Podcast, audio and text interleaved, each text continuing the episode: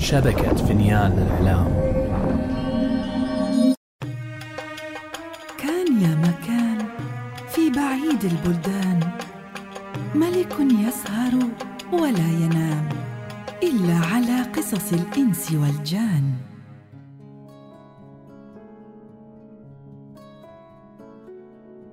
وبلغني أيضا أيها الملك السعيد أنه كان في قديم الزمان وسالف العصر والأوان طاووس رحل مع زوجته إلى جزيرة في جانب البحر. فبينما هما جالسان في شجرتهما إذا ببطة تجري في الجزيرة مفزوعة. فلما وصلت إليهما طمأناها وهدأا من روعها حتى إذا عادت إلى رشدها حدثتهما عما أفزعها. فأخبرتهما أنها رأت في المنام صورة ابن آدم وصوتا يحذرها منه ومن شره. ثم إنها أفاقت مفزوعة وظلت تجري في الجزيرة مرعوبة حتى وجدت شبلا رأى نفس المنام؟ فاتفقا أن تتبع البطة الشبل على أن يقتل الشبل ابن آدم إذا رآه. وبينما هما يمشيان وجدا حمارا يجري هربا من ابن آدم. فلم ينتهيا من الحديث معه حتى وجدوا حصانا هاربا من ابن آدم هو الآخر. ولم ينهوا الحديث مع الحصان حتى وجدوا جملا هاربا من ابن آدم. وبينما هم يكلمون الجمل إذا بشيخ نجار أتاهم يستجير بالشبل من ابن آدم. فلما رأيته يا أختي وقعت من شدة الخوف. وأما الشبل فإنه قام وتمشى إليه ولاقاه. فلما وصل إليه ضحك النجار في وجهه. أيها الملك الجليل صاحب الباع الطويل أسعد الله مساءك ومسعاك وزاد في شجاعتك وقواك. أجرني. أجرني مما دهاني أجرني من ابن آدم. ثم إن النجار وقف بين يدي الأسد وبكى وأن واشتكى. فلما سمع الشبل بكاءه وشكواه قال أجرتك مما تخشاه فمن الذي ظلمك؟ وما تكون أيها الوحش الذي ما رأيت عمري مثلك؟ ولا أحسن صورة وأفصح لسانا منك. فما شأنك؟ يا سيد الوحوش أما أنا فنجار. وأما الذي ظلمني فإنه ابن آدم. هو في صباح هذه الليلة يكون عندك في هذا المكان. فلما سمع الشبل من النجار هذا الكلام تبدل الضياء في وجهه بالظلام. والله لأسهرن في هذه الليلة إلى الصباح ولا أرجع إلى والدي حتى أبلغ مقصدي.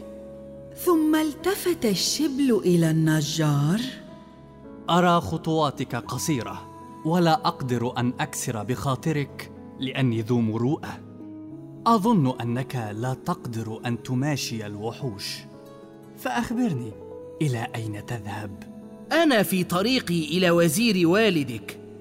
الفهد لأنه لما بلغه أن ابن آدم داس هذه الأرض خاف على نفسه خوفا عظيما.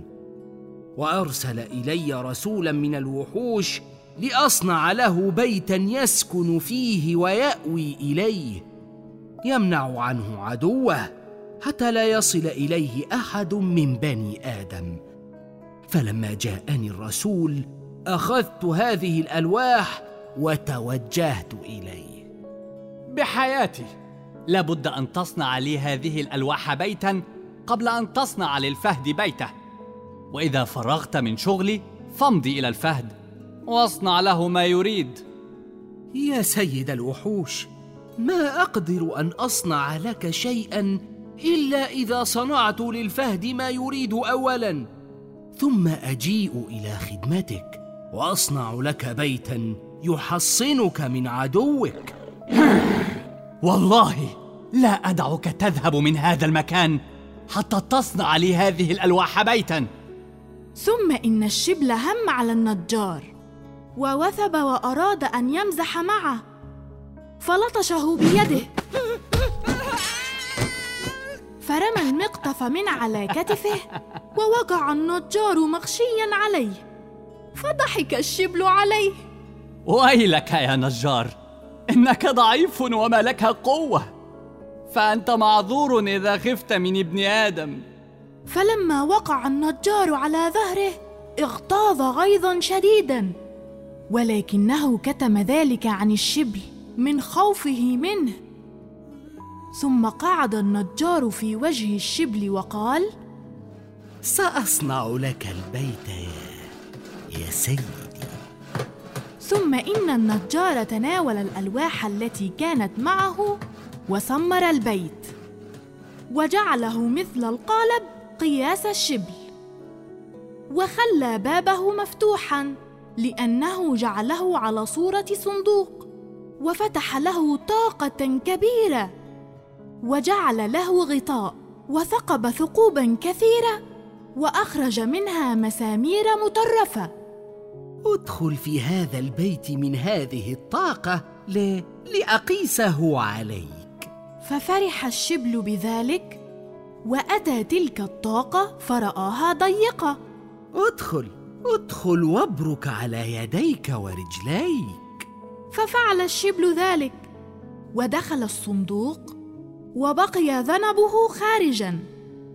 ثم أراد الشبل أن يتأخر إلى ورائه ويخرج. آه أمهلني حتى أنظر. هل يسع ذنبك معك؟ ام لا. فامتثل الشبل لأمره. ثم إن النجار لف ذنب الشبل وحشاه في الصندوق ورد اللوح على الطاقة سريعا. وسمره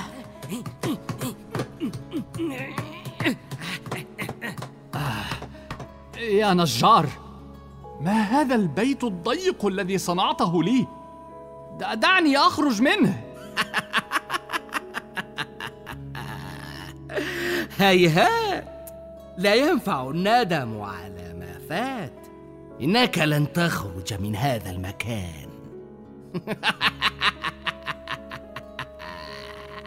إنك وقعت في القفص وقد كنت أشرس الوحوش.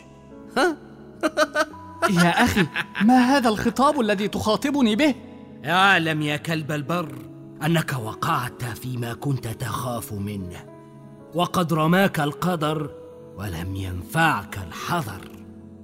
ثم قالت البطة وهي تحكي للطاووسه فلما سمع الشبل كلامه يا أختي علم أنه ابن آدم الذي حذره منه أبوه في اليقظة. والهاتف في المنام. وتحققت أنه هو بلا شك ولا ريب فخفت منه على نفسي خوفا عظيما وبعدت عنه قليلا. وصرت أنتظر ماذا يفعل بالشبل. فرأيت يا أخت ابن آدم حفر حفرة في هذا المكان بالقرب من الصندوق الذي فيه الشبل ورماه في تلك الحفرة. وألقى عليه الحطب وأحرقه بالنار. فكبر خوفي. ولي يومان هاربة من ابن آدم وخائفة منه. فلما سمعت الطاووسة من البطة هذا الكلام تعجبت منه غاية العجب. يا أختي إنك امنت من بني آدم. لأننا في جزيرة من جزائر البحر وليس لابن آدم فيها مسلك. فاختاري المقام عندنا إلى أن يسهل الله أمرك وأمرنا. أخاف أن يطرقني طارق والقضاء لا ينفعك عنه آبق. اقعدي عندنا وأنت مثلنا. وما زالت بها حتى قعدت. يا أختي أنت تعلمين قلة صبري. ولولا أني رأيتك هنا ما كنت قعدت. إن كان لنا شيء سنستوفيه. وإن كان أجلنا فمن يخلصنا؟ ولن تموت نفس حتى تستوفي رزقها وأجلها. فقبلت البطة أن تعيش معهما. ودلتها الطاووسة على محل مأكلهما من الأشجار ومحل مشربهما من الأنهار. ولم يزالوا آمنين آكلين شاربين. حتى مرت بهم سفينة كانت تائهة في البحر. فأرست قريبا منهم فطلع الناس وتفرقوا في الجزيرة فرأوا الطاووسة والبطة مجتمعتين فأقبلوا عليهما. فاستطاعت الطاووسة أن تطير قبل أن يصيبوها وهربت. وبقيت البطة مخبولة من الرعب ولم يزالوا بها. صادوها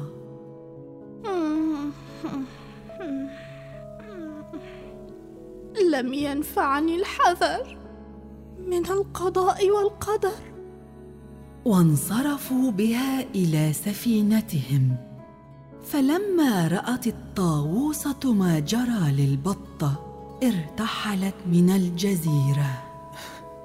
أعلم أن الأجل كتب لكل مخلوق. ولكن لولا هذه السفينة ما حصل بيني وبين هذه البطة افتراق. ولقد كانت من خيار الأصدقاء.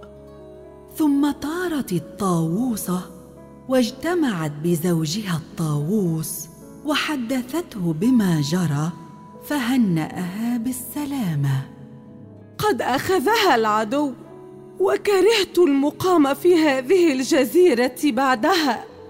وأنشدت تقول إن يوم الفراق قطع قلبي قطع الله قلب يوم الفراق. تمنيت الوصال يعود يوما لأخبره بما صنع الفراق. فاغتم الطاووس غما شديدا. ثم رد عزم الطاووسة عن الرحيل.